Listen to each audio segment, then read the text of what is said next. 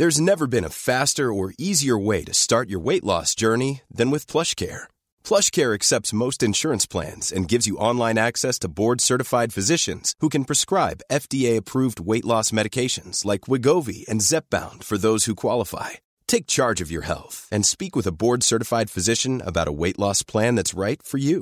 Get started today at plushcare.com slash weight loss. That's plushcare.com slash weight loss. plushcare.com slash weight loss.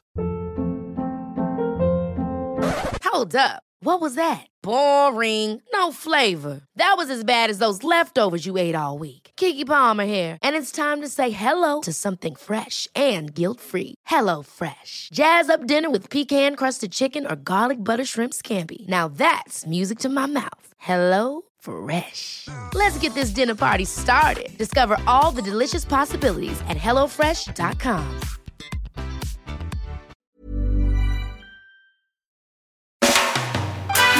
Hej och välkommen till Vänta på katastrofen! Äntligen! Jag heter Kalle Zackari Wahlström och eh, vi är tillbaka. Hur mår du Patrik?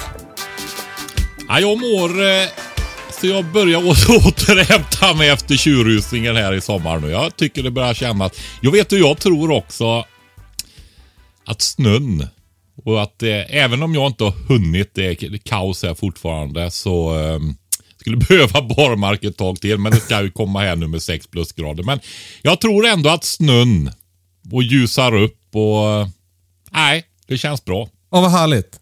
Ja, den där känslan av att uh, av allt man skulle göra innan snön kom som man inte hann göra. Ja, precis. Alltså den, den är ganska stark i mig.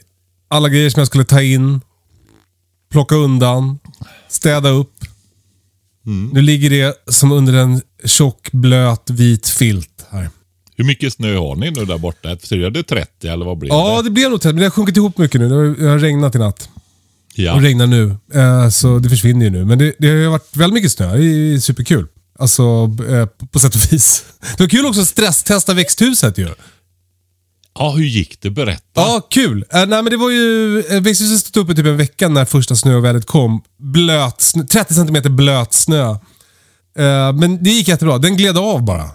Mm, Men hur såg du hur eh, det blev på sidorna då, mot långsidorna där? Om det hamnade en hög en bit ifrån eller om det fyllde på Ja, det, emot det fyller på emot. Så det trycker emot, men det, det, sy- det, sy- man ser ingen skillnad inut, inuti eller utanpå eller någonting. Utan det är bara som en, som en hög vall runt hela växthuset kan man säga, på långsidan. Ja, ja, det, det ligger med bara kloss an mot väggen utan att trycka igen. Ja, men exakt. Ja, ja. Vi var nere och puttade, av- puttade av då första dagen. Då låg det väl kanske 7 centimeter på som hade liksom fastnat. Men, men det hade ju glidit av innan, så det hade väl fortsatt att glida av det där. Men det var, det var så kul att gå ner och, och putta lite på det och se. Det var väldigt satisfying att se det glida av. Så Essa satt på Brittas axlar och puttade ner där.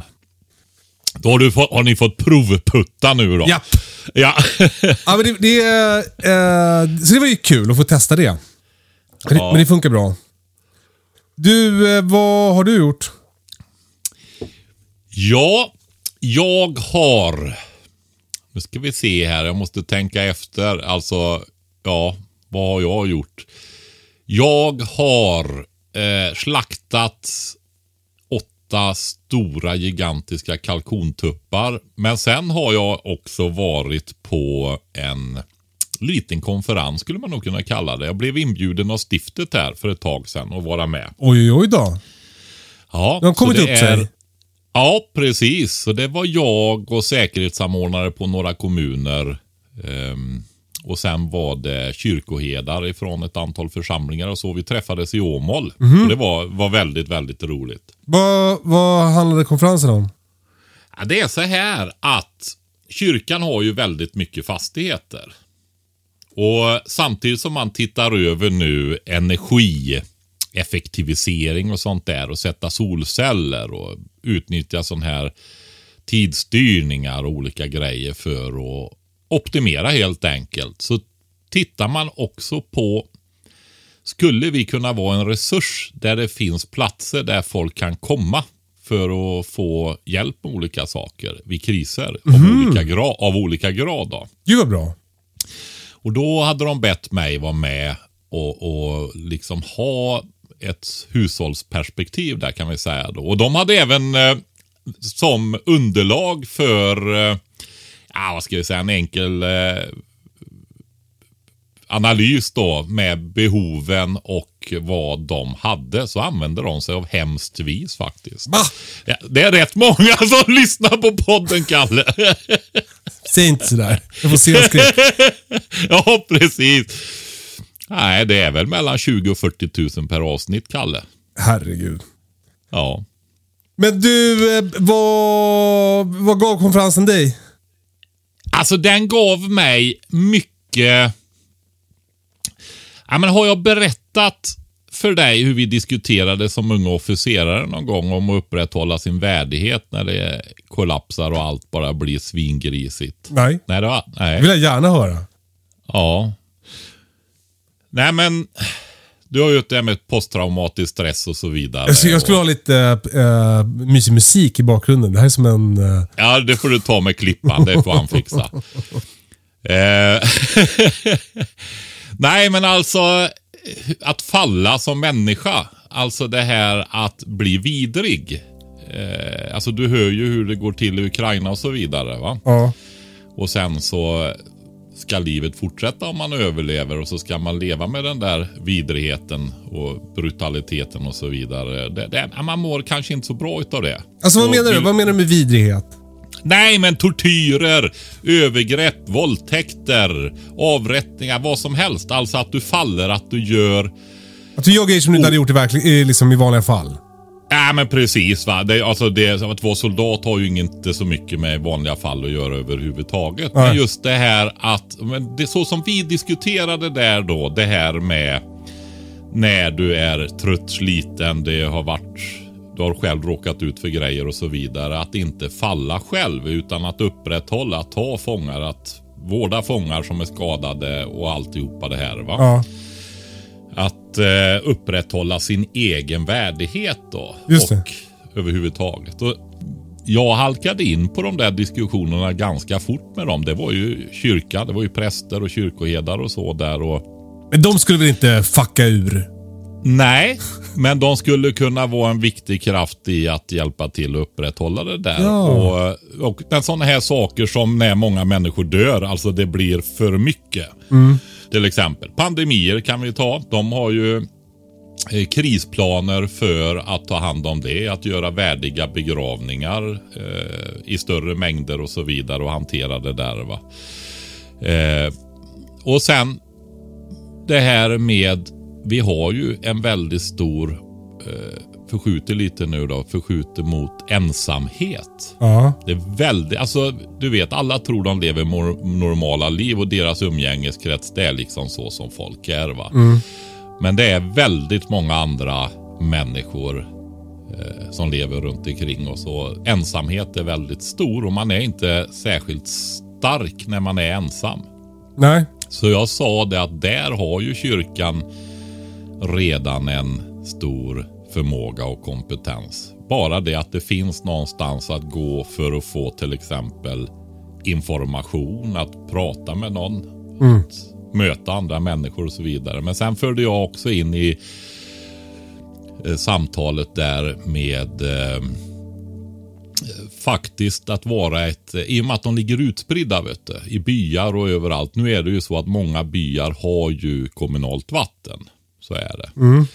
Men om man, eh, många fastigheter är ju äldre och man kan tänka sig att det finns nog en och annan brunn här och var. Ja. Att man ser till att kunna tillhandahålla vatten. Pumpa vatten och sådana saker. Alltså att, eh, att kyrkan skulle kunna se till att man kunde hämta vatten hos dem. På sina trygghetspunkter ja. Just det. Alltså jag har ju varit med om det historiskt här. Vi har åkt till affären och hämtat vatten. Jaha. Fyllt på dunkar. Ja. När vi var och handlade så frågade vi om vi fick fylla på dunkar. Du, hade, inte du dunkar hemma redan? Jo, jag hade ju det, men de var tomma. Va? Det, det, här, är, det här är jättelänge Ja, bra. sedan, Puh. Kalle. Det är, pre- Ja, det är preskriberat.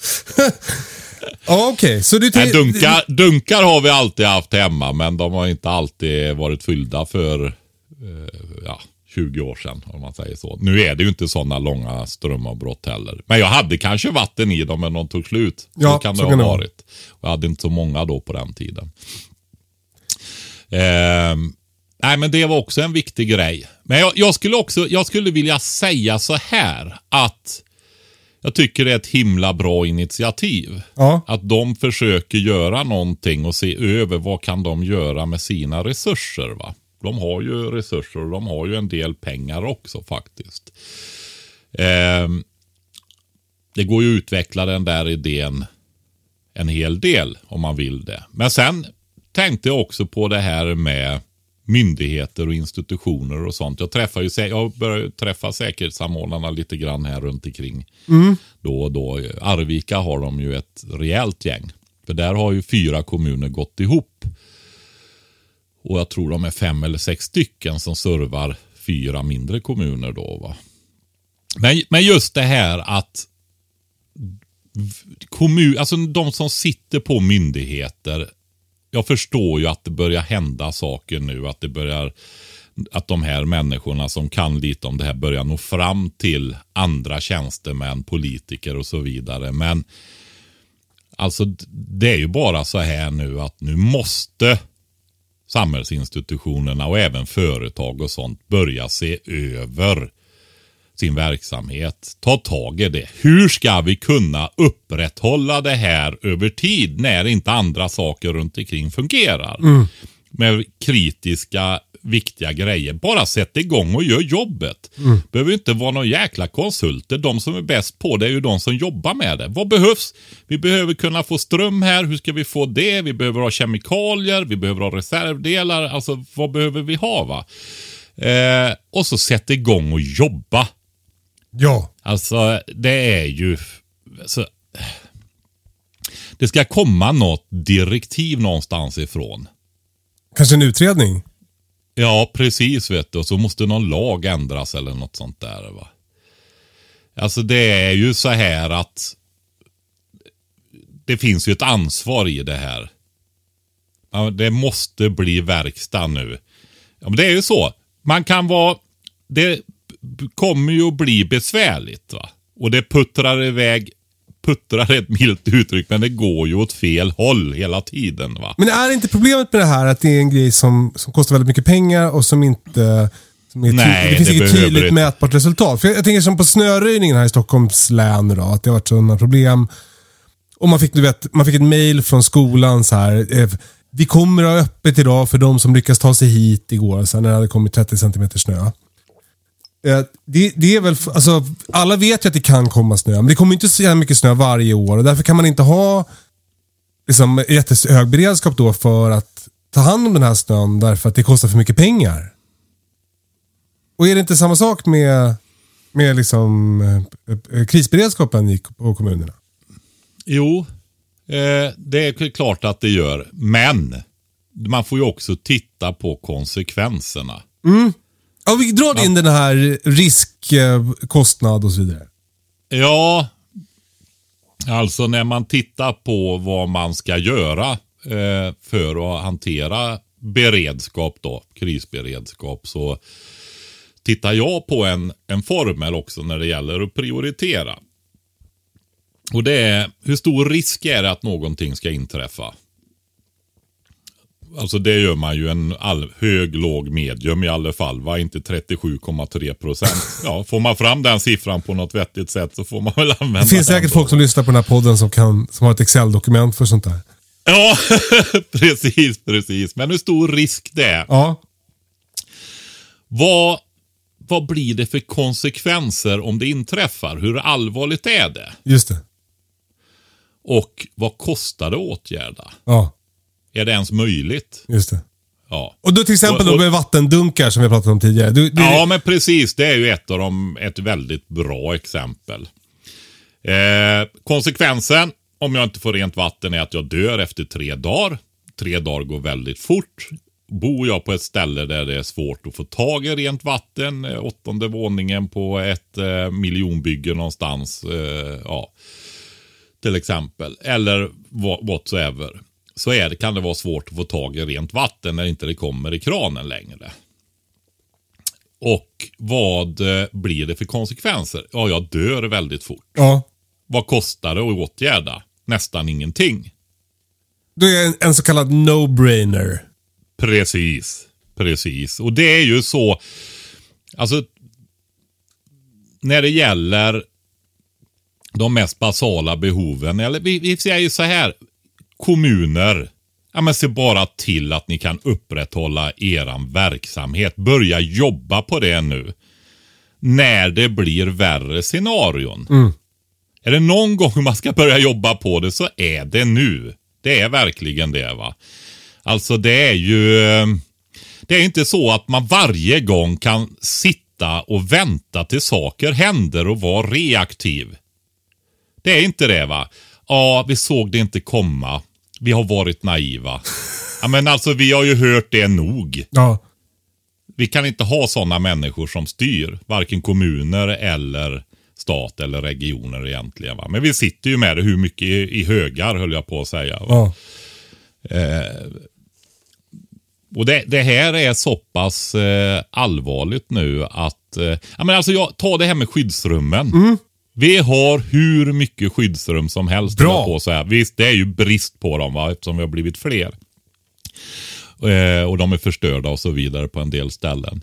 Men säg till, stifta en lag då. Det är ju det de är till för i riksdagen. Se till att skyddsrummen kommer i ordning. Det behövs inga utredningar eller inventeringar eller någonting. Se till att fastighetsägarna som äger fastigheterna där skyddsrummen finns, de får sex veckor på sig. Se till att de kommer i ordning. Perfekt. Ja, Sellmanlagen. jag får kalla den vad ni vill. Se till att det blir ordning på skyddsrummen så folk kan gå in någonstans utan att sitta där och skita i hörnen 50 pers. Du låter upprörd 50 Patrik, är du det? Ja, jag är det. För att det är liksom... Eh, ja, men det, är, det är ju det som kallas för funktionell dumhet. va. Det här att eh, former och allting är viktigare än liksom vad det är till för. va. Det är ju det där klassiska exemplet med, med skyddsmaskerna när det såg så fruktansvärt illa ut med pandemin i början där. Du vet när de stod och dog på trottoarerna och de svetsade in folk i husen och byggde sjukhus på, för tusentals människor på vecka 14 dagar och sånt där. Va? Det såg ju verkligen ut som det var det där absoluta massakern som skulle välla in. Va? När då sitter byråkrater på myndigheterna och förbjuder personal, statlig personal och kommunal personal att använda världens bästa skyddsmasker i hundratusentals som ligger i förråd. Va? För att de, har inte, de tillverkades innan vi gick med i EU så de hade inte rätt CE-märkning. va? Va? Ja men det är ju sant. Alltså man kan ju fråga sig liksom så här, kan man när man... Alltså alla sådana här, eh, alltså byråkrati är ju inget självändamål va. Absolut inte. Det är en jävla fucking kostnad. Ja, det är det. Och eh, då är det så här att den kostnaden, den ska se till att uppgiften som byråkratin är till för att stödja löses bättre. Mer eller högre kvalitet och så vidare. va? Ja. Inte sitta där och fördärva verksamheten för att upprätthålla någonting. va. Ehm, det, det liksom är inte så, va? utan man får titta vad är syftet med det här vi håller på med. I regionerna är det faktiskt inte att producera en väldig massa byråkrati, utan det är faktiskt att producera vårdplatser med hög kvalitet. Va? Och eh, det förstår ju folk att det behövs administratörer och byråkrater. Säg det där hur många, det- hur många det är och hur många det var och sådär. Alltså jag, det här är ju siffror ifrån eh, som jag läst i Läkartidningen då. Va? Så får man eh, från läkare som har skrivit debattartiklar och vädjat. Alltså du har, det, det är din källa på den här siffrorna? Ja, det är källan på det här. 2017 så var ett bemärkelseår där det blev lika mycket byråkrater som det var läkare i regionerna. 2020 så var det 46 000, alltså byråkrater är administratörer och byråkrater och så vidare då. De som jobbar med, med papper och allt möjligt runt omkring va. Ja. Som inte jobbar med vård. Just det. Eh, 2020 ganska tidigt så var det 46 000 byråkrater, administratörer på 29 000 läkare då. Va? Så på tre år så hade byråkraterna dragit ifrån? Ja, ja, ja, men det har ju pågått länge det här, den här utvecklingen. Va? Ja. Och eh, ja. Vad beror det på då, tror du? Ja, men alltså grejen är ju så här att eh, Ja, det, det beror på om man läser organisationsteori så beror det ju på att det är ju, inte, det är ju så illa också så en sån här byråkrati, ja men den skapar ju mer byråkrati. Och inte nog med det, den sväller ju över på den producerande personalen. Det här, det, folk som lyssnar på det här och jobbar i skolor, äldreomsorg, vad som helst och har jobbat ett tag. De vet ju precis vad det här är. Va? De översköljs ju av byråkrati och människor som sitter där och de hittar på nya grejer och samma grejer som man precis har kommit igång med. Nej, då ska det bytas sätt och system och så vidare. Va? Eh, tänk vårdpersonalen som belamras av eh, och tvingas interagera med den här växande byråkratin. Va?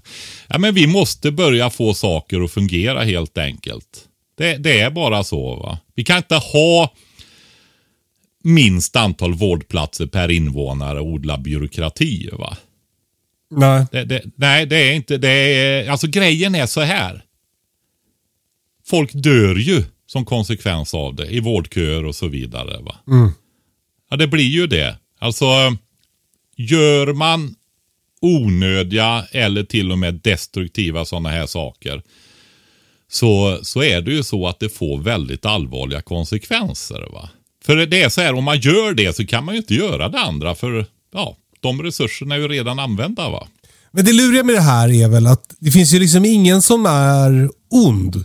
Utan alla tänker ju att de gör bra. Kalle, bli inte chockad nu. Alla är onda. Nej, men, ja, men, ja, men du fattar vad jag menar. Det finns ju liksom ingen, alla tänker ju bara att de löser sin uppgift. Nej, men tror du på allvar att röda khmerer, nazister och så vidare, nu ska vi vara onda? De trodde ju också Exakt, att de gjorde ja, det är rätt. det jag menar. Men det- Vi ska inte jämföra det är det är ju byråkrater ingen- inom regionerna med röda khmererna, tycker jag. Men det, det får stå för dig Nej, Patrik. nej ja, men det gjorde jag ju inte. Utan vad jag säger är så här att det räcker väl inte med att ha goda uppsåt. Det är ju det som är kontentan. Utan man måste ju faktiskt gå in och titta på vad det är som händer och vad det går att styra upp det här. Ja. Eh, nu, nu får vi iväg in i sjukvården där. Men överhuvudtaget så är det så här. Sätt igång och gör verkstad nu.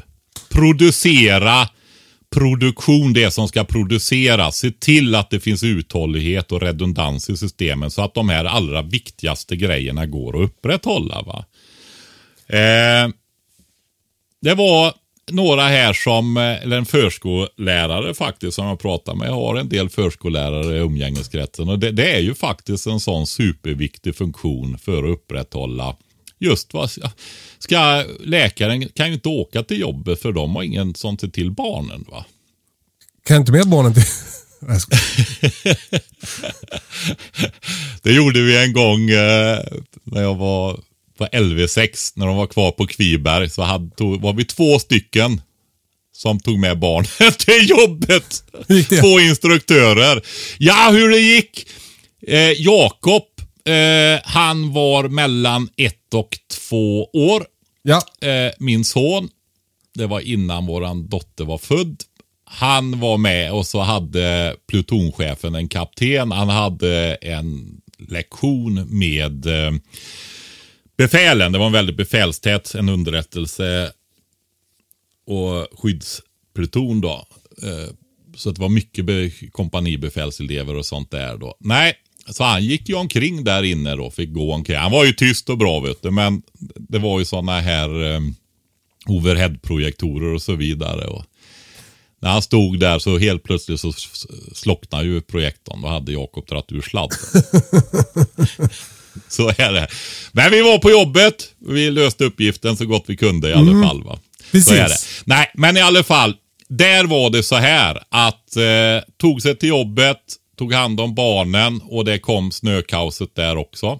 Och eh, Alltså den här sa- förskolläraren pratar du om nu. Ja, precis. Ja. Då eh, säger för, föreståndaren, ja men det är ingen fara. Vi stannar kvar till alla barn är hämtade nu. Ja. På övertid helt enkelt. Så är det. Vi Ja. löser uppgiften. Ja. Ja, men imorgon då? Nej, imorgon är ingen idé för att eh, det var strömavbrott också då va. eh, då är det kallt här. Så då kan vi inte vara här. Så då stänger vi. Så fort gick det. Ja.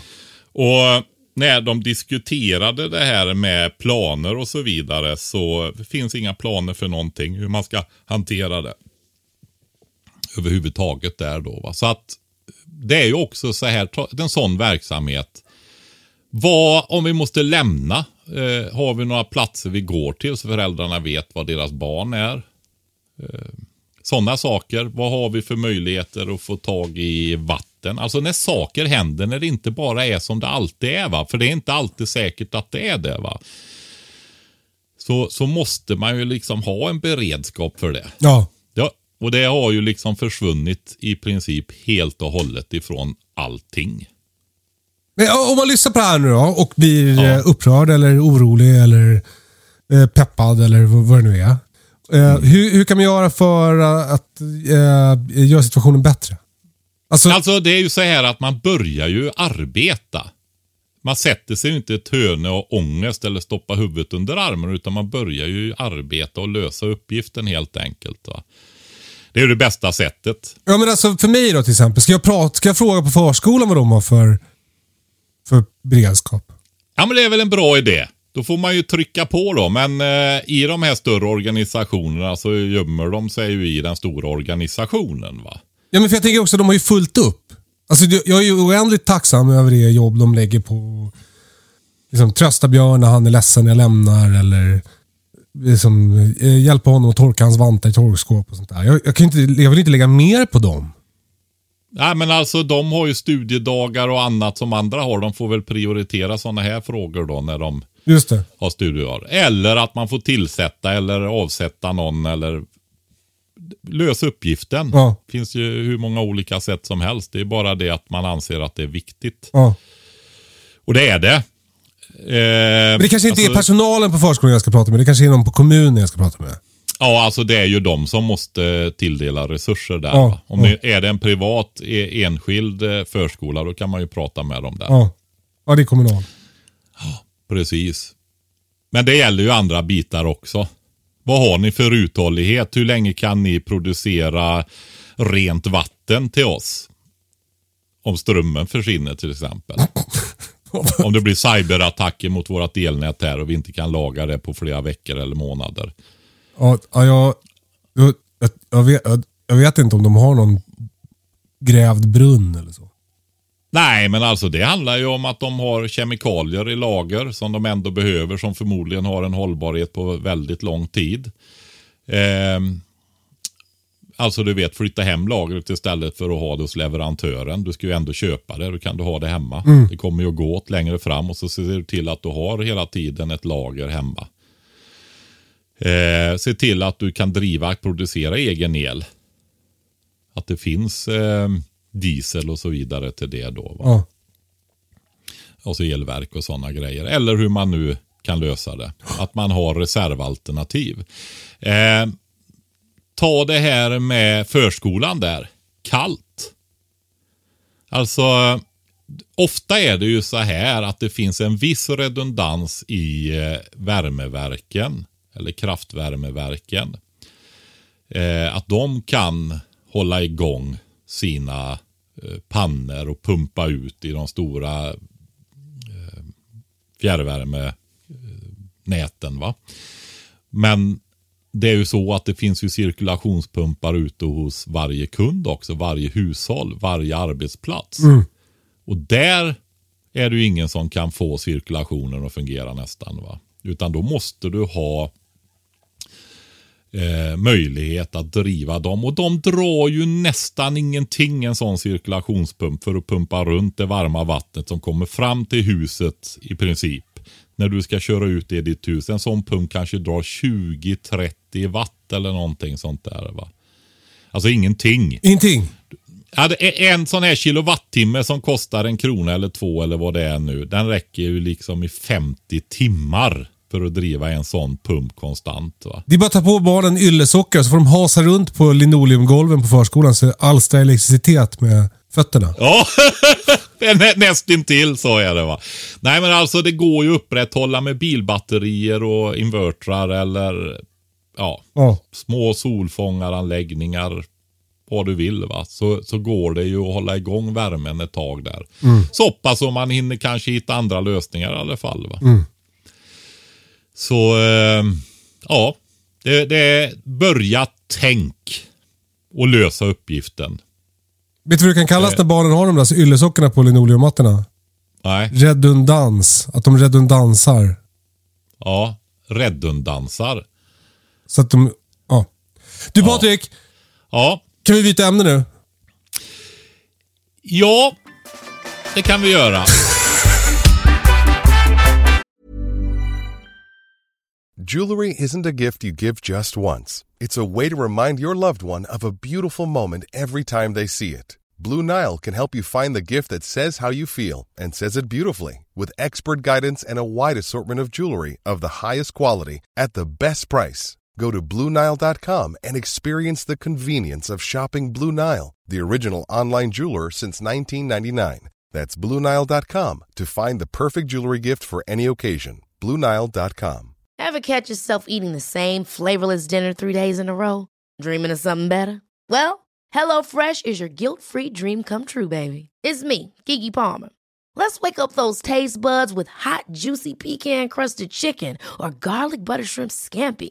Mm. Hello Fresh. Stop dreaming of all the delicious possibilities and dig in at HelloFresh.com. Let's get this dinner party started. Burrow is a furniture company known for timeless design and thoughtful construction and free shipping, and that extends to their outdoor collection. Their outdoor furniture is built to withstand the elements, featuring rust-proof stainless steel hardware, weather-ready teak, and quick-dry foam cushions. For Memorial Day, get 15% off your Burrow purchase at burrow.com slash ACAST and up to 25% off outdoor. That's up to 25% off outdoor furniture at burrow.com slash ACAST.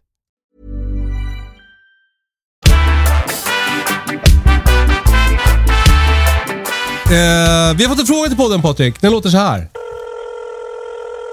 Hej Kalle och Patrik, det här är Preppermorsan. Jag står i begrepp att skaffa höns. Så till våren står förhoppningsvis vårt hönshus klart och ska fyllas med massa kacklande kompisar. Min fråga till er gäller slakt av höns och hur man kan slakta höns på ett så värdigt och snällt sätt som möjligt. Sen undrar jag också lite kring eh, vad på hönan man äter eller vad man kan ta tillvara på av kroppen. Sen också en sidofråga om ni har några tankar kring hur man på ett bra sätt kan inkludera barn i slakt. Jag har två barn. De är sex och fyra år. Och jag vill gärna att de ska bilda någon slags förståelse kring var mat kommer ifrån och också hur mycket arbete som ligger i det här med matproduktion. Vi odlar mycket på eh, tomten och eh, jag vill också på något fint sätt och mjukt sätt inkludera barnen i slakt också framöver. Så jag skulle gärna vilja höra era tankar om det också. Tack också för en jättebra podd. Ha det bra. Hej då! Preppermorsan. Mm. Eh, hon är nog god, Det är god en, en beredskap. av våra följare. Ja. Du, eh, du har precis slaktat dina kalkoner. Så du har ju det här färskt i sinnet så att säga. Mm. Vad säger du? Hur gör man med de där? Alltså, dina kalkoner, vad vägde de sa du? Alltså de var ju stora. Det var ju sån här... Eh... Jag har ju haft problem. Jag har ju tänkt bygga upp en egen avelsflock av kalkoner. Och eh, jag har fått massaker på räven då. Men nu har jag troligtvis, peppa peppar, jag har inte haft problem i år och nu börjar det frysa då. Va? Jag har satt en eltråd runt ytterstängslet. 20 centimeter ut, 15 centimeter över backen. Runt om så han inte gräver sig in. Ja, perfekt. Ja, men då när jag skulle skaffa kalkoner då hade hon som hade det, hon tröttnade med allt foder och det, det var så höga kostnader och så va. Så hon hade skickat iväg kalkonerna. Eh, och då hittade jag en som sålde nere där jag har bina i Västergötland. Så jag plockade med den när jag var nere. Och det var ju sådana här hybrider. British United Turkey, butt. Butt. Oh my god alltså. Alltså stora. Nej, jag visste ju inte att de var så, ja men det är ju lite som sådana här stora köttdjur, du vet Belgian Blue nästintill alltså. Inte riktigt, men eh, de, de är så stora hannarna så att de måste köra inseminering till och med på dem för de klarar inte av att para sig. Va? Men, Har du gjort eh, det? ja, Nej, nej, nej. Jag köpte ju ung- kycklingar då. va? Ja, ja. Och du kommer att göra det? Kommer du inseminera dem? Nej, nej, nej. Jag ska inte ha sådana kalkoner. Nej. Det är inga småbrukarkalkoner kan jag säga. Kalle, Ja. de, större, de största tupparna det vägde en bröstfilé 2,5 kilo. Herregud. En bröstfilé vägde 2,5 kilo. Det är, Alltså, det är tju- större än en älgfilé ju. Det är, är 20 portioner. 120 grams portioner. Alltså 20 personer, 40 personer kan äta kalkonfilé från en kalkon. Från, från, från de största ja, för det är, ju ti- det är fem kilo eh, bröstfilé då om du tar båda. va. Du vet vingarna, det var som eh, två vanliga kycklingklubbor. Herregud. Men vad, hur, hur hade du ihjäl de här? Det låter ju svårt att, att ha ihjäl dem. Alltså, Få spränga dem. ja, nej, ja, det är ju när det är alla utom eh, struts får du ju avliva med eh, slag mot bakhuvudet då va. Ja. slag mot huvudet. Men det som är viktigt med det eh, är att det är bedövning. Sen måste man avliva inom 60 sekunder och det gör man genom att kapa halspulsådrarna lämpligast då. Va? Just det. Så att de blöder ur. Det är det som är själva avlivningen då. Eh, Men det, och det där är ju så här konstigt tycker jag, för det är ju samma sak med får. Då, då kallar man ju, när man skjuter dem i huvudet kallar man bedövning. Och sen ska man avbloda dem. ja. Men de dör ju av skottet. Men, ja, ja. Ja, alltså. Det är samma med, med bultpistol då. Ja. Slakt, slaktmask och så som det heter. Att det är bedövningen. Nej men alltså vad jag förstår. Jag har ju aldrig varit med om det. Vi har inte varit med så mycket och sånt här då. Men eh, att de helt enkelt kan komma till sans. Va? Och, ja, det finns ju människor som har fått ganska allvarliga skador mot huvudet också. Och Ja. överlevt och klarat sig och så vidare. Va? Alltså Så man kan ha man- otur eller tur eller vad man ska säga. Ja, men precis va. Och däremot så när blodet har runnit ur kroppen och det inte kommer blod till huvudet och så vidare. Då, då dör de. Och då är de borta. Och eh, om man kollar på YouTube och så vidare på eh, det alltså, amerikanarna producerar väldigt mycket YouTube-film, så är det ju va. Då, s- då ser du att de stoppar ner dem vid medvetande i koner och sådana saker och skär halsen av dem där. Det är ju alltså inte tillåtet i Sverige. Nej.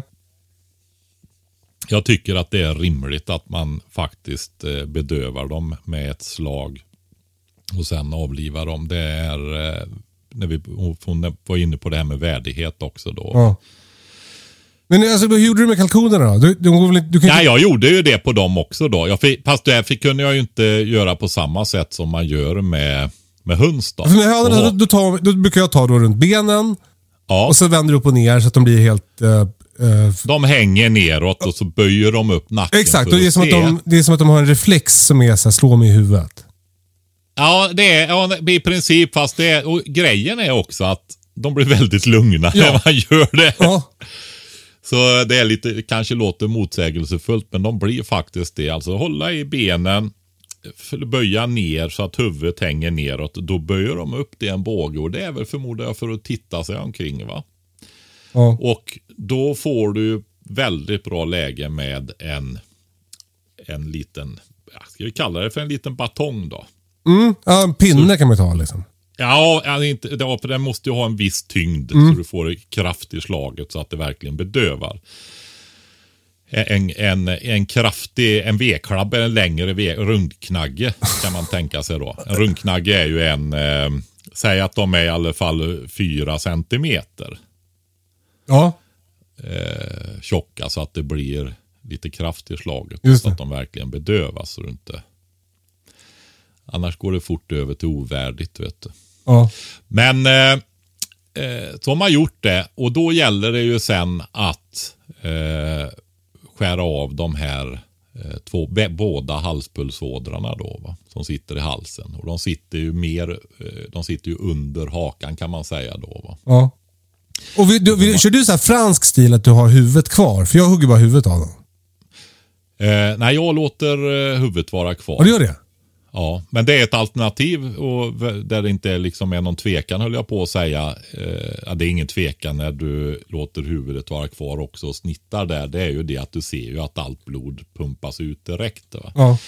Och det vill man ju också för det vill du inte ha kvar i, eh, i djuret heller. Va? Just det. Så, Men så här kan du inte gjort med kalkonerna. Du kan inte, du kan inte ta dem i benen och lyfta upp dem när de väger 20 Nej. kilo.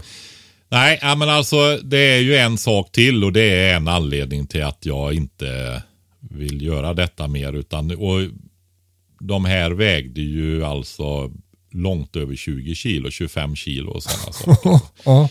Och eh, de största då. Eh, och jag kommer inte att låta dem bli så stora heller. För kalkoner är fantastiska djur att ha. Och de är trevliga och de äter upp alla ogräs. Kirskål och nässlor och rubb och stubb och städar alltså. Jag äter de nässlor också, för det har inte jag hittat några djur som gör än. Nej, men det gör kalkoner. Åh. Så, eh, det, och kirskålen, de ligger på och beälskar den. Va? Så de trycker ju undan den. Va? Men man får nog ha det i några år tror jag. Men, eh, och det, det blir ju bra, bra produktion. Så jag vill verkligen slå ett slag för kalkoner. Då. Vet du att Britta sa så här? Vi kanske ska ha kalkoner. Mm. Det är första gången hon säger så om ett djur. Jaha. ja men vad bra. Ja. Nej men jag tänker att halva den vikten. Och jag, jag tänker också så här att eh, de har nog bättre tillväxt per foder och så första delen där upp till 12 kilo ungefär. va. Men det är ju så att när de vägde 12 kilo, det var ju mitt i liksom högsäsongen här. Va? Utan de har ju fått gå och beta där. Men det också innebar ju att det blev ju markskador och så vidare. För vilken oerhörd betningsförmåga de hade. Va? Så att, vi har ju inte kört sådana här kalkoner förut. Men nu har vi gjort det och lärt oss. Ja. Så vi, nu, nu ska köra på samma stil som vi gör med de andra djuren. Att vi kör den där mitt vägen. Kanske inte de allra mest extrema redundanta lantraserna och inte de allra mest högproduktiva utan någonting i mitten där, va? lagom. Så, så får det bli. Men i alla fall, jag tycker att, eh, att man har ju gjort det ett antal gånger avlivat höns nu. Och just det här att ta i bena, böja ner huvudet, de böjer upp det och ha ett slag. Eller slå ett slag då i bakhuvudet. Jag tycker, jag har ju sådana här slaktkoner. Förut hade jag plastkoner som jag hade köpt och kapat av, alltså typ vägkoner. Fast mindre då. Ja. Typ idrottskoner till hönorna, tupparna där. Det är oftast tuppar man slaktar. Och så sätter du dem, bedövar, sätter dem i konen och så skär du av. Alltså så, så huvudet sticker ut på andra sidan. Ja, precis. Du har skurit av toppen på den så huvudet hänger ner där nere då. För då kan de inte flaxa och så vidare. Och det var väldigt... Eh, med kalkonerna här. Alltså jag kan ju säga att kalkoner är starka. De väger 25 De kilo kan jag tänka mig det. Ja, de är det alltså. Och eh, jag funderade på olika lösningar och eh, sådär. Men jag gjorde till slut så här att eh, jag bar ut dem lugnt och fint. Och så satte jag dem på marken och satte mig gränsle över dem. Och så hade jag lagt ut ett, eh, en kraftigare bräda på backen precis. Eh, och så böjde jag försiktigt ner halsen mot brädan så de la hakan på där. Och så klappade jag till över huvudet. Och det fungerade väldigt bra. Men sen är du, du vet de flaxar ju fåglar va? Ja. Det vet du, grisar gör ju också det, sparkar och far. Ja. Ehm, de, det kan ju pågå över en halv minut, minut nästan med grisar och sånt där. Men eh, de här fåglarna, de var, alltså jag fick sitta med, du vet jag är ju inte småvuxen. Nej. Du är, Eh, du är rejäl. Ja, så kan man säga. Och då, jag fick ju alltså använda min styrka och hålla fast dem alltså. så är det. Så att ehm, ja, om man skaffar kalkoner så ska man slakta dem när de är mindre och man ska vara beredd på att de är rätt kraftfulla. Man kan också träna brasiliansk jiu-jitsu. Ja, precis. Ja, så är det. Ja. Nej, men jag fick ju alltså sitta gränsle över dem och verkligen hålla fast dem. Och det, det är kraftiga slag med vingarna alltså så att eh, man måste... Det, ja, det, generellt sett så vill jag säga så här. eh, Och det, det tycker jag, det gäller mig själv också fast du har gjort så här ganska en hel del genom åren. Och det är ju det att man håller ju inte på hela tiden. Utan oftast är det ju nu på sensommaren. Det är lite som vi pratade om med korvstoppningen där och nu var det till och med ett par tre år sedan jag gjorde, eller ett par i alla fall sedan jag gjorde korv sist. Va? Mm.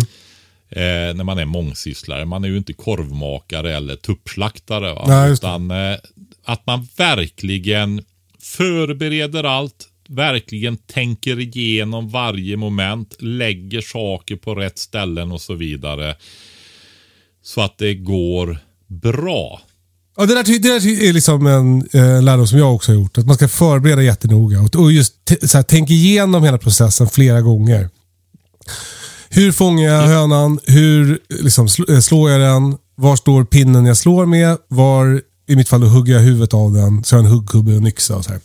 Som, så sitter yxan exakt så där så du kan greppa den bra Exakt. snabbt. Och Exakt. Så, va? Ja, precis. Och gärna att man förövar en gång utan fågel också. Liksom, Ja. Ehm, ja, men så att det är där. Så att man eh, att det rullar på så att man inte blir stressad i onödan och så om det är första gången eller ja. Även, jag tycker man ska göra det varje gång och det är väldigt bra om man hittar ett system. Man är ju oftast kvar på samma ställe med sina höns och då kan man fortsätta eller man kanske förbättrar lite grann mellan åren så att det löper på ännu smidigare men att man liksom har sina rutiner där. Va? Det, det skulle jag säga, det är så här liksom det går till. Och eh, ja. Men jag har en fråga. För, eh, eh, när man ska eh, ta hönsen så blir det Ja. alltid väldigt, väldigt uppståndelse i hönshuset. Mm. Nu kommer mördaren, akta er. Exakt. Och det känns som att mina höns, trots att det var, det var typ ett år sedan jag gjorde det här senast, så känns det som att de tror att jag ska mörda dem varje gång jag kommer in i hönshuset. Vad, vad, vad kan man göra åt det? Alltså, en, en sak som eh, du kan göra, det är fakt. Du vet när de går och sätter sig på kvällen. Ja. Då sitter de väldigt lugnt. Ja. Eh, ställer du inte till det väldigt så sitter de liksom kvar där va. Men hyfsat skulle jag säga. För jag, jag, jag har provat både tidigt på morgonen och på kvällen när de har satt sig. Och när man tar första så börjar den kackla och, och fäkta och flaxa. Och då blir det uppjagad stämning. Det kanske går, de kanske sitter kvar men de är liksom ändå varska. Och sen så tar man nästa och då, då är det någon som börjar hoppa omkring och sen till slut börjar alla hoppa omkring. Har du tänt lampan när du går in då? Ja, det kommer jag inte ihåg, det kanske jag har gjort. Alltså, ta en eh, pannlampa Mm. och så ställer du ner den på lägsta och så riktar du den lite neråt så den inte lyser upp allting. Va? Ja, ja, ja. Och så går du liksom fram till sittpinnarna och så tar du över vingarna. En på, på bägge greppar över ryggen och vingarna på dem. Och så går du bara iväg med den. Och jag eh, slaktar inte då, utan ha en liten bur. Som du sätter dem som du ska slakta i. Och eh, ja, så ger du dem vatten och så där och ingen mat då. Så, du, man vill ju helst inte att de fyller på krävan då, alltså den här eh, Muskelmagen. Ja, ja det är, krävan är väl innan muskelmagen där va. Alltså en behållare i princip som det blir massa mat i. Just det. Ja, och eh, ger dem vatten där så får de vara där dagen innan du ska slakta dem. Då. Så slaktar du dem dagen efter istället. Så har du dem på ett annat ställe. Ja, du smart. går och hämtar dem och sätter dem i den här bur. Jag har en liten, eller sån här, vad ska vi säga, eh, hundbur eller djurbur Ja. som man kan ha på utställningar och sånt där med lite kraftigare ståltråd och en plastbricka i botten då som är lätt att ta ur och skölja ren och så vidare. Då. Det var ju smart. Ja, ja men det, då blir det inte så dramatiskt. Ja, för som jag har gjort är att jag har tagit en, slagit ihjäl den, gått in och hämtat en ny, slagit ihjäl den och så vidare. Ja. Och då, då har det blivit dramatiskt. Nej, men det är så. Eh, djuren förstår ju mer än vad man tror. Va? De här eh, kalkonerna har varit rätt tama också. Hönorna är kvar. Och eh, där gjorde jag ju inte så här. Det var liksom, de fick inte plats i de där burarna. Och det hade inte varit eh, trevligt för dem att sitta i en sån bur heller, de där stora kalkonerna. Så det gick inte. utan Jag fick ju gå in och hämta dem. Va? Och då när du tar en kalkon, man greppar om halsen helt enkelt och så snabbt om vingarna då så att de inte... Och så bär man dem försiktigt ut sen. Lugnt och fint. Men de kommer inte, de, de, de fattar, så fåglar är smarta. Så är det va. Ja. Eh, och en annan iga- iakttagelse jag gjorde faktiskt, det var eh, på hundarna. Jag är, har ju inget slakteri utan i det här, nu gjorde jag så att jag satte upp ett sånt här eh, mässtält, du vet sånt där fyrkantigt med ställning som man viker ut. Och lägger på ett tak som är tre gånger tre meter. Partytält. Ja, typ partytält fast det här är mycket robustare och Såklart. mer för utställning och sådana grejer. Då. va. Ja. Ehm, och så hade jag bord och grejer och sånt eh, där under. Då. Men, och det, då stod jag ju liksom med öppna väggar och sånt där. där. Och eh, lapphundarna som är väldigt intelligenta hundar, de tyckte att nu verkar Husse vara jädrigt farlig här. Alltså. Han har tappat de, det. Satt, de satt längst bort mot vägen. De var, terriern, hon var, är ju alltid med mig. Hon var ju med och här också va. Men de andra de höll sig undan hela tiden alltså. Han kanske lugnar ner sig. Hoppas han lugnar ner sig innan han hittar oss. Ja, nej men Det är det är hemskt. så. Och alltså, det är ju mycket funderingar runt omkring det här med att föda upp djur hemma och producera sina egna livsmedel om man är köttätare. Ja. Det är ju så. Ja. Eh, och man får eh, tänka igenom saker. Det, det är ju alltså, jag försöker ju ha det här att jag tänker vilka fina livsmedel det blir. Mm. Och jag tänker också att man verkligen ska vara noggrann. Eh, det är därför jag byter djur till de här lagomdjuren som jag kallar det. För att jag märkte ju när jag hade Ölandshönsen då, genbank här. Som är, de är, alltså de är fantastiska Ölandshönsen och trevliga och livfulla och extrema personligheter och, och fantastiska på fodersök och liksom allting sådär. Men det är den näst största lantrasen vi har. va. Och när du slaktar tupparna på hösten. Alltså, det blir, jag tycker det blir för lite utbyte alltså. Det, är, det är en hel del arbete med att göra, ta, ta vara på sådana här djur. De här eh, kalkonerna, ja, jag höll ju på i flera dagar med dem. Ja. Du vet, eh, avliva, de ska hänga. Det kan vi väl ta också eh, efter avlivningen. Kan vi, hinner vi det? ja. Är det däggdjur, om man jagar eller föder upp får och så vidare så eh, tar man djur, fåren, eller grisar och så vidare väldigt fort. Fåglar är uppbyggda på ett annat sätt. Eh, när de kör hybrider som bara växer i några må- enstaka månader va, väldigt fort och extremt då va, så är de så unga så då kör de dem ju industriellt igenom för att ha låga priser. Och så tar de ur dem och fryser in dem och så vidare. Va? Men har du, som mitt fall här nu med kalkonerna, eller mina tuppar, som jag ska ta här så fort som möjligt nu då. Eh, ja, men de har ju hunnit bli rätt många månader. va. Det är lite äldre kött och så. Och då eh, vill du dels att det ska utveckla smakerna men också bli, inte bli sekt. Just det. Så är det viktigt att hänga fåglarna. va.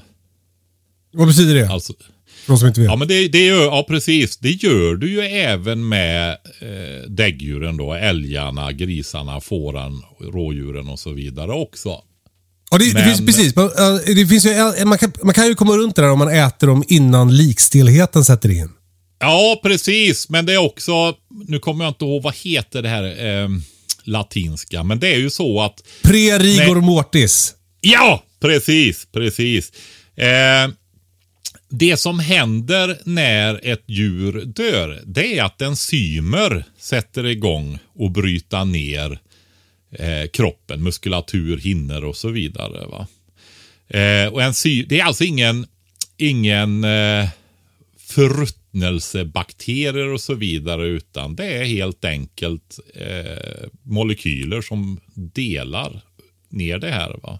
Ned- Nedbrytning på, som påbörjas och gör att köttet blir mörare. Du vet så här riktigt fint nötkött, biffar och sånt. Ja. Det kan ju vara, få hänga i, i många veckor. Va? Ja, månader. Ja, precis. Eh, det man kan säga då just när det gäller fåglarna, det är det att du tar inte ur dem. Det är ju sjukt. Ja, eh, det kan man ju tycka. Men de har ju alltså en annan uppbyggnad i runt inälvor och sånt. Det är liksom luftkuddar runt på ett annat sätt. Va? Så att det kommer inte i kontakt med köttet. Och eh, Det är viktigt att eh, du har en hyfsad temperatur de första 10-12 timmarna. Så att de här enzymerna får arbeta. För det är så, sänker du temperaturen då lugnar ju allt ner sig. va? Det Ja, och de är så små så att temperaturen sjunker snabbare på... Precis, precis. Ah, Eh, så eh, då, då har du ju hela massan kvar liksom i. Och du kan ha fjäderdräkten kvar också. Eh, jag har provat att plocka både direkt och efter och jag tycker att det är lite besvärligare. Det är lika jobbigt man- båda gångerna. Ja, eller ja, precis. Det är ju det. Och nu, nu har jag ju skaffat en, en liten fjäderplockningstrumma, en sån där maskin med gummifingrar i. Som, jag har inte provat den än, det blir första gången i höst där då. Så jag ska testa Det var spännande. eh, att göra det direkt och efter de här eh, 15 timmarna då. Va? Eller vad sa jag? Eh, 10-12 timmarna då. Va? Alltså, du låter dem bara hänga 10-12 timmar? Nej, Nej. innan jag tar ur dem. Aha, nu förstår jag. Nej, nej, fel. Innan jag plockar dem. Det är viktigt att säga det. Plockar du med inälvorna i? Jajamensan, det gör man. Ja, snyggt. Annars kontaminerar. Du vet att du, man skollar ju dem oftast eh, med 63 till 65 grader. Pumpa runt dem lite i vattnet så det verkligen sköljer och kommer igenom fjäderdräkten, det här varma vattnet. Och så känner man när de börjar släppa lätt. Det är nästan så du kan... Ja, vi hade ju fodrade gummiarbetshandskar på oss, jag och Ingmar idag. Och det var ju nästan så att du kunde dra även på kalkonerna där det var mindre, jag ska säga mer dunliknande fjädrar då på, på bröstet och så. Dra med handsken så släppte Ja. det nästan. Men, och när du säger skåla, bara så att eh, lyssnarna fattar också. Då, då har man en, en stor kastrull med vatten. Och i, i, om man har så här kalkoner då får man väl ha en, en typ en tunna eller någonting antar jag. Ja, jag gjorde, precis så gjorde jag. Eh, och jag, alltså det är ju så. De är ju, det finns ju alltid lite smuts på dem. Ja. Så är det. Så det blir ju inte så trevligt det här vattnet. Och då är ju det, där har du ju anledningen till. Och det är även att jag ser noga till att såren i halsen inte kommer ner i vattnet också. Eftersom jag låter dem hänga lite längre. va. Men, och så doppar man då fågeln upp och ner några gånger i det här. Jag har läst, läst Ja. 70-gradigt vatten. Ja, 63. Det, det som är viktigt är att, eh, att du inte har för varmt vatten och att du inte har för länge för då skadar du skinnet så det går sönder. Va? Du vill ju ha kvar det för att du ska få bättre smaker och, och så när du tillagar köttet sen då. Va? Och det, är ju, det är mycket fett under huden precis. Det är ju där, där du har den här Det är där man har fettet på, på kycklingar. Precis. Precis. Och sen när du har doppat eh, den i det här vattnet några gånger, då släpper fjädrarna mycket lättare. Ja, inte några gånger utan det tar ett tag. Utan du ska känna när fjädrarna släpper. Va? Så är det. Och sen är det också bra om du har, ska ta några stycken, att du har lite större kärl. Jag gjorde precis som du sa. Jag gick och, jag har eh, lite oljefat här. Eh, som faktiskt aldrig användas. Så de är helt rena dessutom. Vilket är trevligt när man gör sådana här grejer. Att det inte är gammal hydraulolja eller något i dem. Va? Det går ju att diska i och för sig. Men, eh, så jag delade helt enkelt en på mitten. Med vinkelslipen. Och, och eh, slipade av kanterna så de inte var för vassa då så man skadade sig. Va?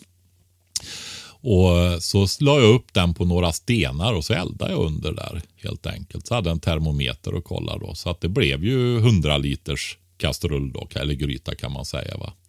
Du slarvar ju inte Patrik. Vad sa du? Du slarvar ju inte, sa jag.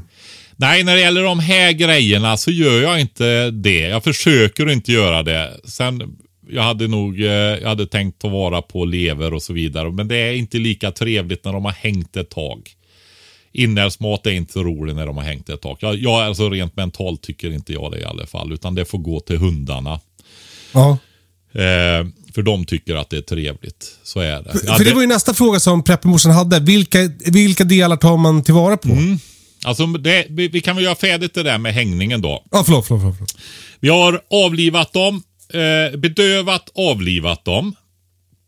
Och eh, så får de hänga och rinna ur ordentligt. Och då låter vi fjäderdräkt och sånt vara kvar. Och eh, det är viktigt att försöka ha en, en eh, kroppstemperatur eller temperatur på 15 grader i alla fall. Så att det blir, för sänker man temperaturen så sjunker aktiviteten på de här enzymerna som mörar upp köttet. Då, va? Bryt, börjar bryta ner det så det inte blir så segt. Men sen är det bra att sänka temperaturen. Så därför så, jag som inte har kylrum, du håller ju på att bygga rätt förstod jag. Eh, men jag som inte har det, jag får ju förlita mig mer på att jag har svalare utomhustemperatur. Det är därför man, det är så praktiskt att slakta på hösten. Eh, Precis. Och, och När det är kylskåpstemperatur ute. Ja, exakt. Eh, och jag får ju det även i mitt skafferi då. Va? Och så finns det inga flugor och sånt heller som kan gå på köttet. Och annars kan man ju ha viltsäckar och sånt, sådana här nätsäckar och sätta över då. Men sen eh, får man helt enkelt testa själv på sina preferenser just hur länge ska den sen hänga kallt då. Och kallt, ja, eh, det där med löken höll jag på att säga, lökförvaringen. Nej, men fyra grader är ju, är ju jättebra då, va? men två till sex grader kanske. Så får det hänga där och då, det kan alltså hänga eh, en vecka i princip i de temperaturerna då. Va? Och jag lät eh, eh, ett gäng med kalkoner faktiskt göra det. Så, eh, och när jag tog ur dem sen, för då har jag inte tagit ur dem alltså. Men däremot så är de ju plockade då innan. Va? Det gör jag efter de här. Några har jag gjort det direkt och så några efter de här 10-12 timmarna. Och jag tycker inte det är jättestor skillnad på att plocka dem där. Ja. Eh, men sen tar jag ur dem då efter hela hängningsperioden då. Och eh, vi som jagar, vi har ju lärt oss det här 40 dygnsgrader. Ja, du kan nog när det gäller fåglar kan du nog till och med gå lite högre än det faktiskt. Om man vill. Men så det jag, betyder jag, då, alltså bara eh, för att förklara. Det betyder att om det är 5 grader, så då, då kan det hänga 8 dygn. precis. 5 gånger 8 Ja. är 40. På gen, I dygns genomsnittstemperaturen går man ju på då. Va? Så är det i genomsnitt fem grader ett dygn. Ja, då blir det, eh, hänger man dem i, och det är det åtta dagar i sträck då, va? då, då. Men säg att det är fem grader och så blir det tio grader i två dygn. Ja, då är du redan uppe i, i 25 dygnsgrader på tre dagar. Va? Så, att, så, eh, så funkar det. Men du kan nog glida uppåt 50 när det gäller fågel. Men jag tycker så här att man prövar helt enkelt därför smaker utvecklas och sådana saker och så när man hänger med. Va? Och eh, om man har äldre tuppar som liksom är över halvåret som slaktas sent på, på sen, senhösten eller på hösten och sånt. Så du får väldigt torrt, eller vad säga segt och kanske till och med smaklöst om du kyler ner dem fort. Segt och, och du, du, blir inte nöjd helt enkelt. va. Nej. Utan ta vara på det här med hängningen. Och jag kan säga när det gällde de här kalkonerna som var stora. Eh, som var första gången som jag slaktade sådana nu då. då. Det var inga bekymmer med inälvor eller någonting. Allt var helt intakt och Fräscht. fräscht. Ja, precis. Eh, men jag valde ändå att eh, ta de inälvorna som man faktiskt själv kan ta eh, och använda. Det är ju lever, hjärta, muskelmagen. Att du skär loss musklerna runt den här kraftiga magen då va? och äter. Och sen har du halsen också. Mm. Det är ju, är ju klassiska grejer. När min mamma... Alltså karen. Ja, ja. När min eh, mamma köpte kyckling när jag var liten, då köpte man ju alltid, fick man alltid en hel kyckling. Och så låg det en liten papperspåse inne i med lever, hjärta och muskelmage och hals i. Så det var liksom naturligt att få med de där grejerna då. Så, så det är väl det man brukar äta och resten eh, tar man åt sidan då. Nu har jag eh, när jag, när jag styckade och sånt och, och tog så la jag undan det också. Och sen kokade jag alltihopa i en stor gryta till hundarna. Och det skall eh, konserveras nu då så att det blir i tryckkokaren då. Så att det blir eh, hundmat utav det nu då. För jag, jag tyckte inte det kändes aptitligt när de hade hängt en vecka. Att, att använda dem då. Va? Men det- Ja, för annars är ju kycklinglever eh, en jävligt bra... Ja, det är, är kalkonlever också. Jag hade ju egentligen planer på att göra kalkonleverpastej. Men det är, också att jag... Eh, ja, men det är trångt i schemat också. Det är det. Så är det. Men jag skulle hell- jag tycker att när man, för det är så här. Eh, det är inte det här är, det finns en anledning till varför de föder upp djur och så. Eh, som de gör nu för tiden då. Man försöker göra med väldigt hög produktivitet. Ja, ja, det går att diskutera mycket runt omkring det där. Men det är ju det att det blir billig mat. va. Och när du producerar själv hemma. Det går ju att hålla igen på utgifterna. Men kostnader i form av arbete, utrymme, lokaler och så vidare som du har då. Det, det är ganska mycket. Förstår du? Alltså, um, det är också kos- eh, kostnader i, i en produktion. Va? Så att det kött man producerar småskaligt på småbrukarnivå. Det blir väldigt exklusivt alltså. Slash dyrt om man tit- tittar Ja. på arbetsinsats och alltihopa det här. Va? Galet skulle andra säga. Ja, men precis. Det går inte att jämföra. Och då när du har en sån, ska vi säga, fin råvara som du har, då ska man verkligen dels lära sig ta vara på den och tillaga den och så vidare också. Då, va? Så verkligen prova det här med att hänga.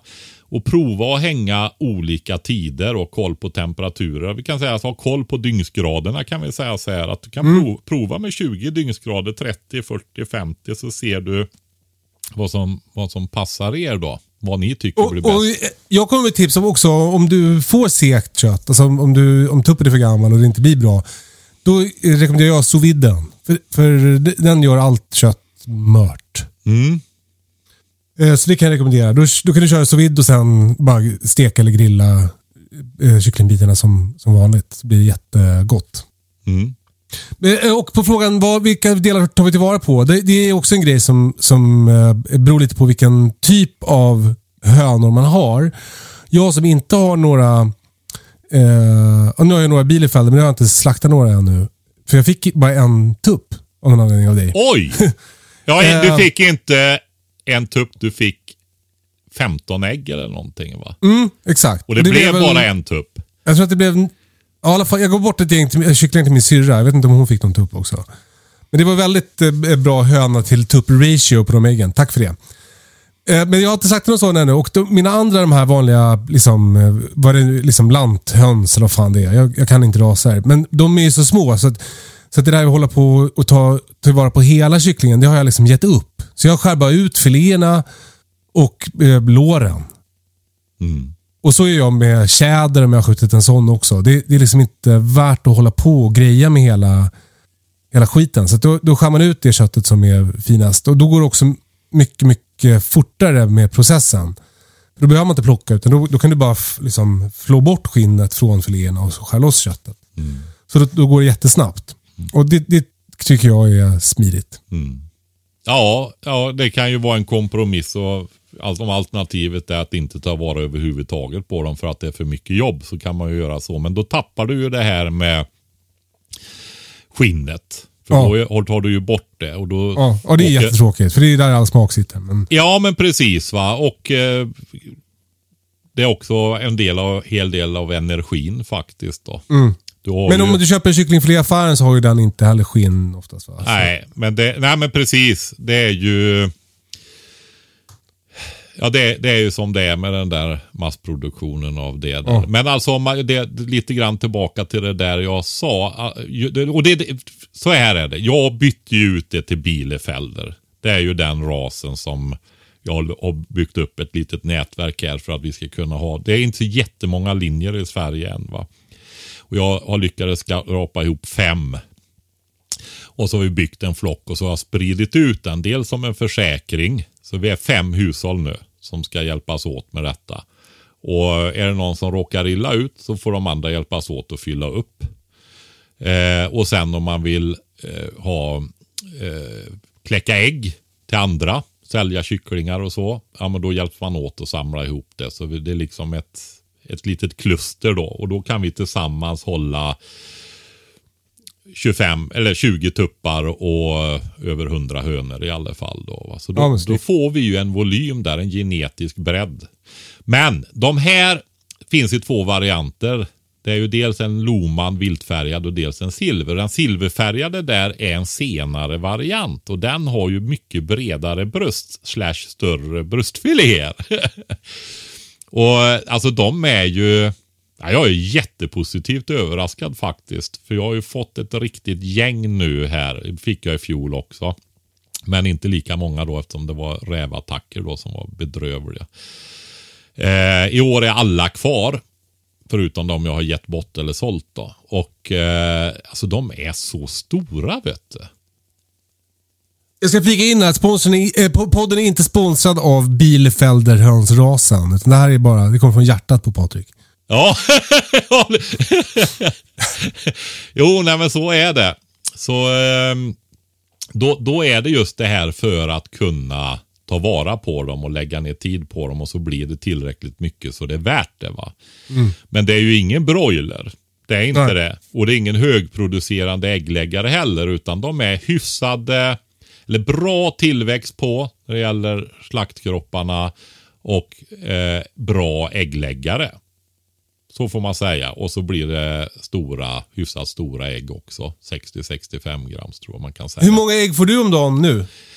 Du, det är inte så mycket faktiskt. Det, men det är några utav, du vet vi hade typ två hönor kvar efter massakrerna i fjol. Ja. Ja. Eh, så att det är ju mycket unghöns och de börjar ju lägga faktiskt. Ja, det ökar lite grann nu. Härligt. Jag får typ två ägg om dagen. Ja, men alltså. Ja, det är kallt nu. Jag funderar på om jag ska eh, ha lite lampa hos dem. Ja, vill du ha, alltså det, man får ju av, överväga det där. Om du inte kan på sommaren samla ett överskott av ägg som du lagrar. Ja, jag har gjort det, men jag ger bort så jävla mycket. Så nu, nu börjar jag börjar liksom se botten i mitt ägglager. Ja, precis. Men du får väl se till och hur mycket kommer jag behöva under vintern och så har du någon större 30 liters jäshink eller någonting som du gör antingen eh, eh, vattenglas eller kalkvatten eller också ty, det går att smörja in dem med fett också har jag förstått. Men det Jag tror, tror på de där andra, att lägga dem i, i eh, släckt kalk i vatten då. Men vadå? Berätta. Nej, men alltså eh, ägg i sig Ja. håller ju flera månader. Mm. Alltså det här med bäst före på ägg, det är ju en sån där tramsgräns. Mm. Det är en nivå du vet med sex månaders cheddar som säljs för halva priset. Så, så kan du köpa en 36 månaders cheddar bredvid som kostar fem gånger så mycket. Va? Ja. Ja, lite åt det hållet där. Nej, men, eh, alltså, jag, eh, de hade fått in all felbeställning på affären här i Gräsmark. Så jag tror jag köpte, alltså, var det 40 kartonger? En gång med ekologiska ägg. Oj.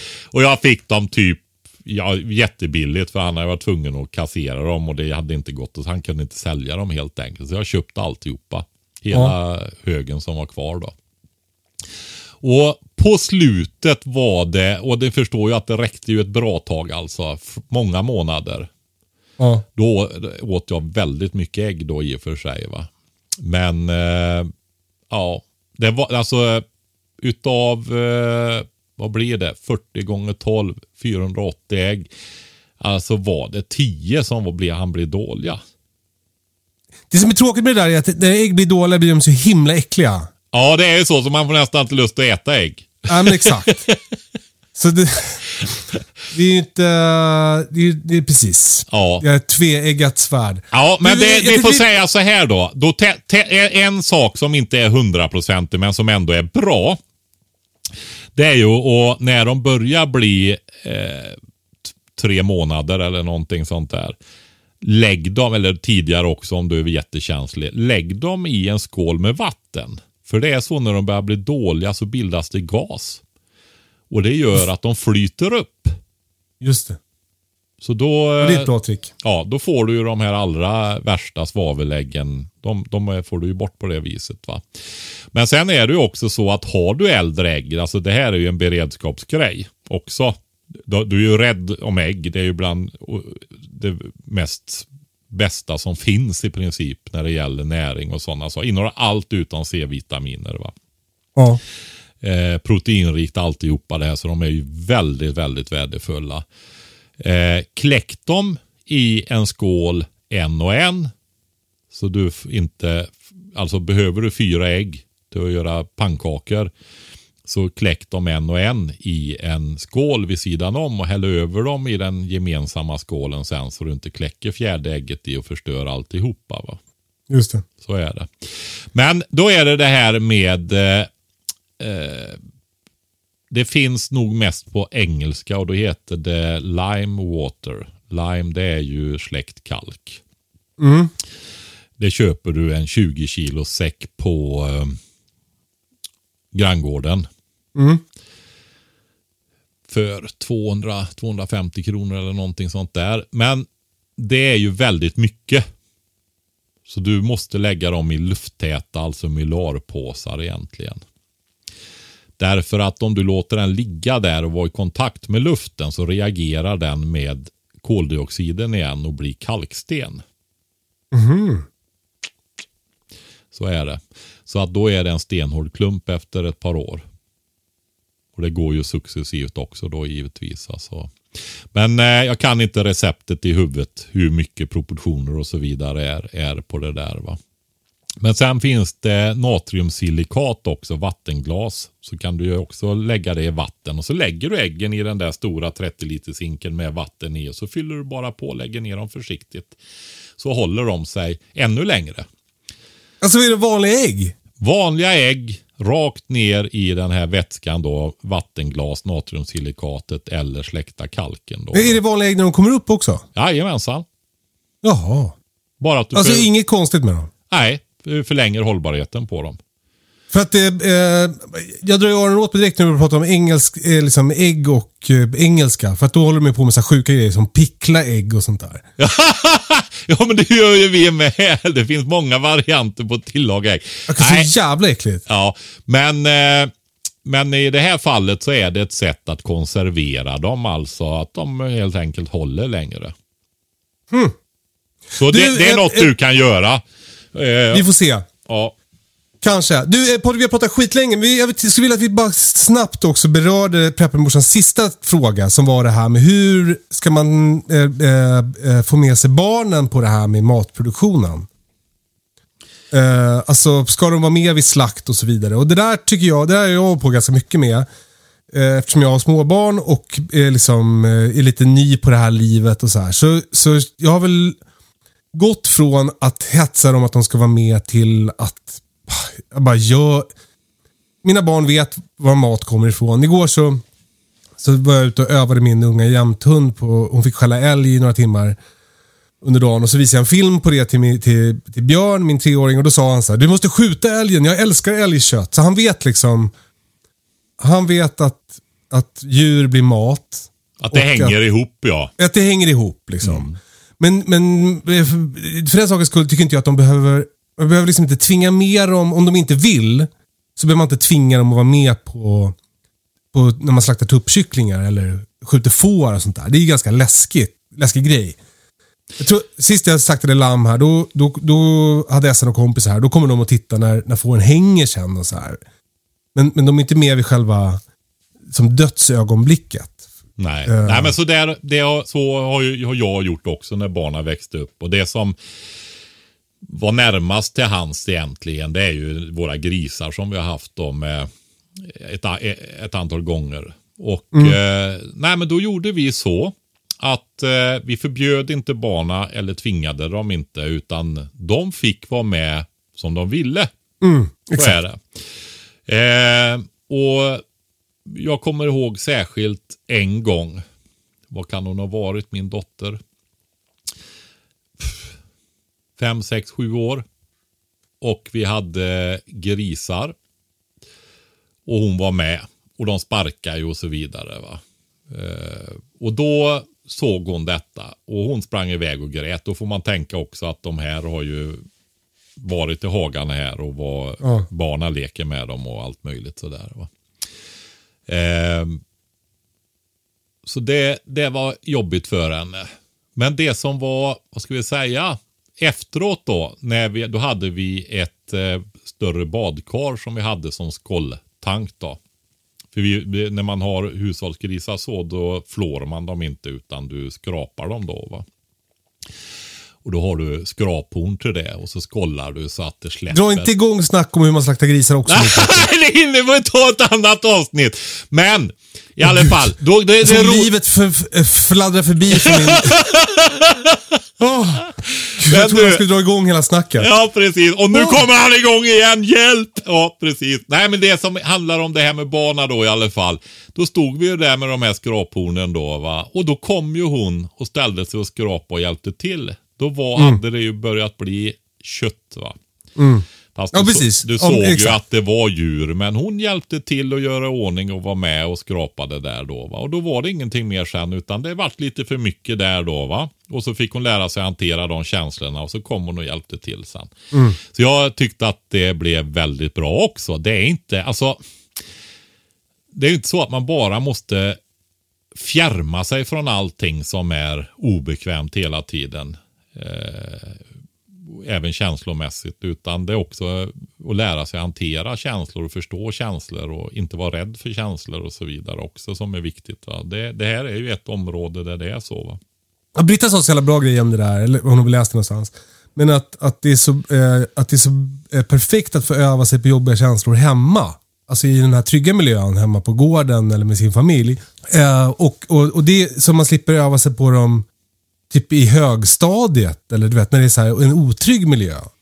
Det, det tyckte jag var himla bra att tänka på. Och när man kanske är lite extra förvirrad eller vad ska man säga. Det är Ja. mycket under den perioden också med olika saker. En, bry- Ja. en brytningstid liksom på något sätt. Men du, Kalle. Ja. Vi har en jätteviktig grej innan vi lägger av nu. Det blir ett långt avsnitt Jag måste, får jag sammanfatta till pepparmorsan bara? Ja. Så här, låt barnen vara med om de vill, tvinga dem inte. De kommer att eh, eh, eh, indoktrineras i ditt, eh, din tanke och din, din ambition kring eh, matproduktion. Det kommer de att förstå och de kommer att längta efter eh, eh, köper köttbullar och köper korv. Men de kommer att lära sig att den finaste maten kommer från eh, hemifrån. Tror jag. Eh, även om de inte eh, nödvändigtvis vill vara med varje gång du slår ihjäl en höna. Nej. Min Nu dotter, din vi- hon, och min Nej. dotter nu då, när hon är 32, hon eh, slaktar ju sina tuppar själv då. Ja, du ser. Vad var det Nu- för viktig grej Patrik? Jo! Vi var ju inne på växthus här förut och vi har ju ett samarbete med jordnära. Och jag Ja. börjar ju, nu börjar ju folk höra av sig här och det är ju från småbrukarkurser och sånt där att nu börjar det bli dags för det här att dra igång. Och en grej jag eh, försöker förmedla på de här småbrukarkurserna det är ju liksom att växla upp, att bygga system. Tänka, fast du kör till husbehov, större husbehov, så för att hinna med saker och få effektivitet och så vidare i det, eh, kunna göra mer utan att det blir eh, totalt bryter ihop, va? så bygger man system. Och nu, nu kommer det, så att jag kollade ju med jordnära här och då fixade han till en kampanj till våra lyssnare. Jaha, vad kul. Ja, och eh, det är på... Jag får lägga upp detta på Instagram sen också då. Men det är två stycken eh, områden, kategorier då. Och det ena är krukor och odlingstråg. Och multiplugbrätten för plantuppdragning då. Sen har ju han mer utrustning, underbevattningstråg, eh, ebb och flodbord och allt möjligt sånt där då. Men det som vi har fått är 10% på krukor och odlingstråg. Gäller inte hela lådor för där har han redan pressat priset så mycket. Eh, alltså när du köper hela emballagekollen då, då är det redan rabatterade Alltså eh, priser där. 68 000 krukor. Ja, precis. 2009 centimeters krukor. Ja, Nej, men multiplugbrätten, krukor, odlingstråg och rabattkoden för 10% är eh, katastrofen med små bokstäver. Katastrofen med små bokstäver då. Jo, All- det där med krukor var faktiskt det första jag tänkte när du sa att man ska eh, liksom, grejer i system. För att, för att, eh, att ha 9 cm kruka när man ska plantera om grejer, eller när man ska så eh, tomaten och så här. Att, att inte behöva stå och skära och diska ur mjölkpaket i all oändlighet. Det, det gör att tröskeln blir så otroligt mycket lägre. Så att ha ett överflöd av bra krukor som är liksom staplade, de ligger i en låda, det är bara att ta en. Det gör faktiskt, för mig i alla fall, hela skillnaden när jag ska eh, eh, eh, dra upp plantor på, nu på vintern. Ja. Ja, det, det, det är hela säsongen för mig. Jag har ju ett antal olika system då eh, som jag ut, kör, som jag har provat fram för olika planttyper. Va? Eh, Så är det ju. Nu, de här som kommer tidigt här nu under vintern, vårvintern. Där är det ju brätten och underbevattningstråg i hyllsystem som jag kör. Eh, men sen eh, kommer det, och de omplanteras ju chiliplantor och sånt för att de ska vara eh, få tillräckligt innan de planteras ut. Och tomaterna kommer lite senare. Det är samma sak där, att de behöver ju fort 9 cm, ganska fort 9 cm krukor. Va? Jag kör 9 cm direkt. Ja, du gör det ja. Ja. Ja, Både ja, jag, chili och tomater. ja, ja, jag försöker spara plats där ett tag då.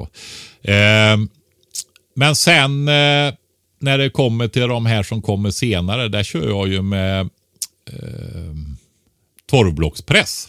Just det. De som jag sår i mitten på april för utplantering 15 maj på friland. Alltså alkohol, Alltså mangold, rödbetor framför allt. Då, va? Du kör jag pluggbetten. Ja, precis. Ja, jag älskar ju mina brödbackar och torrblockspressen där. Ja. Eh, och så ställa direkt på jorden. Just det. Så att de kan få köra ner rötterna i jorden om de behöver mer näring och växer. Och det dröjer någon vecka eller två för länge innan de kommer ut så, så grejar de det där då va? i växthuset. Eller kallbänken. Men i alla fall, jordnära.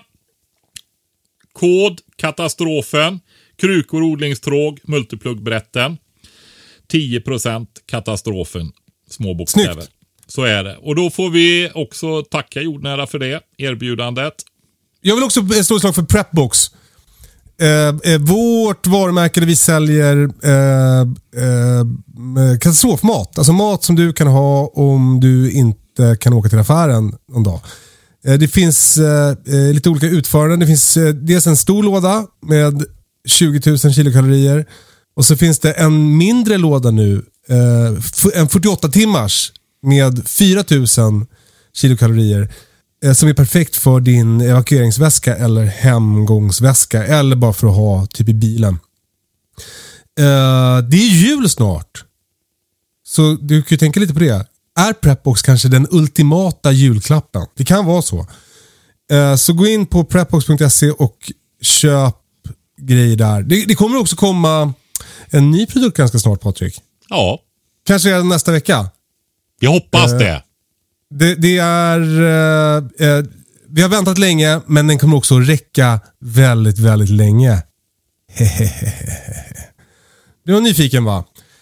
Eh, det var det. Har du något mer Patrik?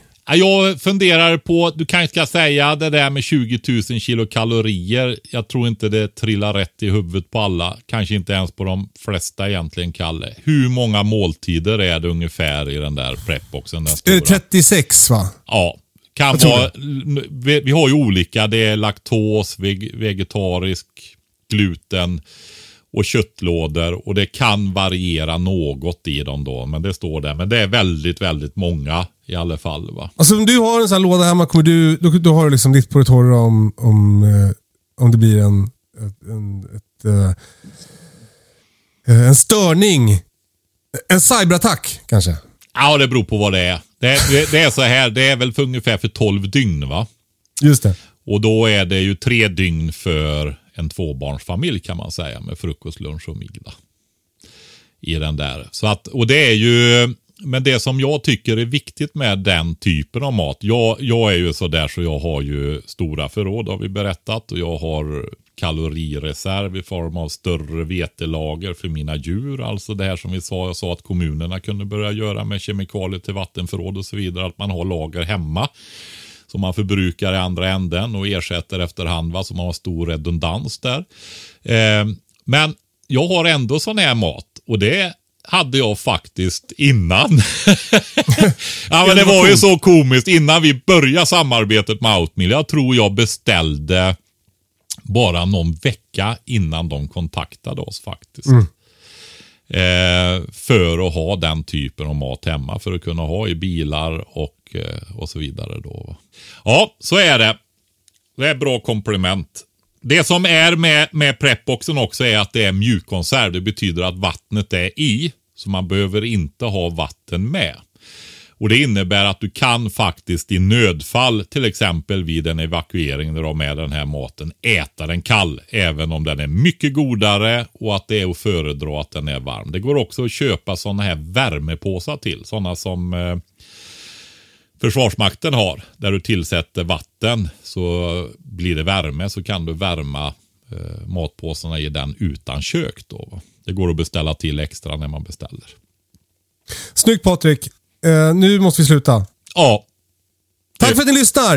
Eh, fortsätt mejla frågor. Hej katastrofen.se. Eh, eh, gå in på jordnära och handla grejer med koden katastrofen. Och gå in på prepbox.se och köp dina julklappar där. Och lycka till med eh, eh, tuppslakten. Alla ni som lyssnar. Puss och kram. Hej då! hej då!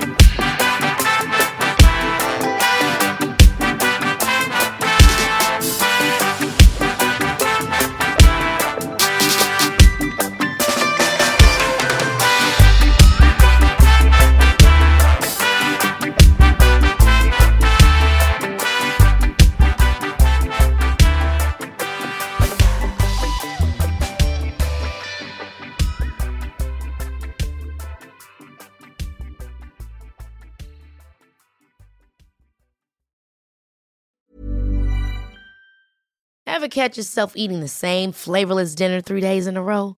Dreaming of something better? Well, HelloFresh is your guilt-free dream come true, baby. It's me, Kiki Palmer. Let's wake up those taste buds with hot, juicy pecan-crusted chicken or garlic butter shrimp scampi. Mm. Hello Fresh. Stop dreaming of all the delicious possibilities and dig in at HelloFresh.com. Let's get this dinner party started. Mom deserves the best, and there's no better place to shop for Mother's Day than Whole Foods Market. They're your destination for unbeatable savings, from premium gifts to show-stopping flowers and irresistible desserts. Start by saving 33% with Prime on all body care and candles. Then get a 15-stem bunch of tulips for just $9.99 each with Prime. Round out Mom's menu with festive rosé, irresistible berry chantilly cake, and more special treats. Come celebrate Mother's Day at Whole Foods Market.